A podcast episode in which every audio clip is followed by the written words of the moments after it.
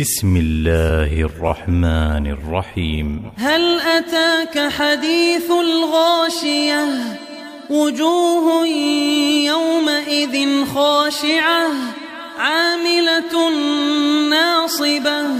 تصلى نارا حامية.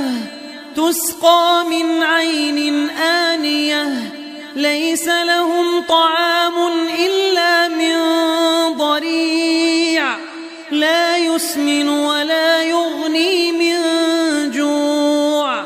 وجوه يومئذ ناعمة لسعيها راضية في جنة عالية لا تسمع فيها لاغية فيها عين جارية فيها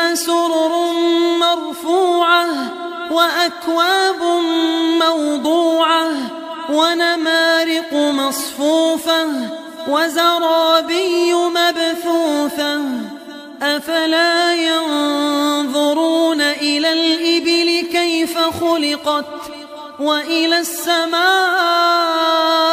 كيف رفعت وإلى الجبال كيف نصبت وإلى الأرض كيف سطحت فذكر إنما